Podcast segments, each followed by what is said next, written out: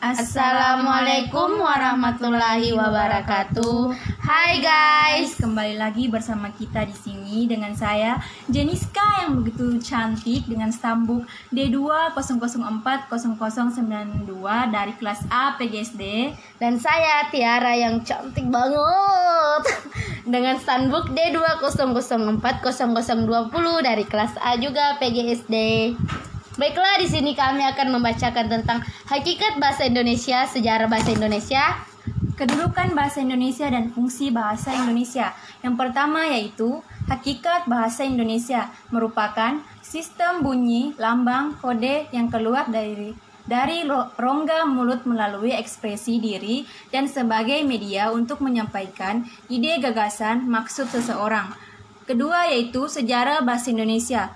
Bahasa Indonesia lahir pada tanggal 28 Oktober 1928. Pada saat itu, para pemuda dari berbagai pelosok Nusantara berkumpul dalam kerapatan pemuda dan berikras.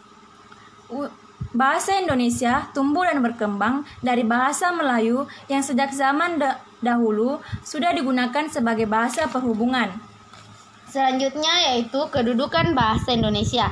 Kedudukan bahasa Indonesia dijelaskan bahwa Indonesia memiliki kedudukan yang penting bagi bangsa Indonesia yang tercermin pada Ikrar Sumpah Pemuda 28 Oktober 1928. Fungsi bahasa Indonesia sendiri itu sebagai bahasa nasional memiliki fungsi lambang kebangsaan nasional, lambang identitas nasional, alat pemersatu masyarakat yang berbeda latar budaya, alat perhubungan antara budaya dan batas budayanya, serta fungsi secara umum bahasa Indonesia itu sebagai alat komunikasi.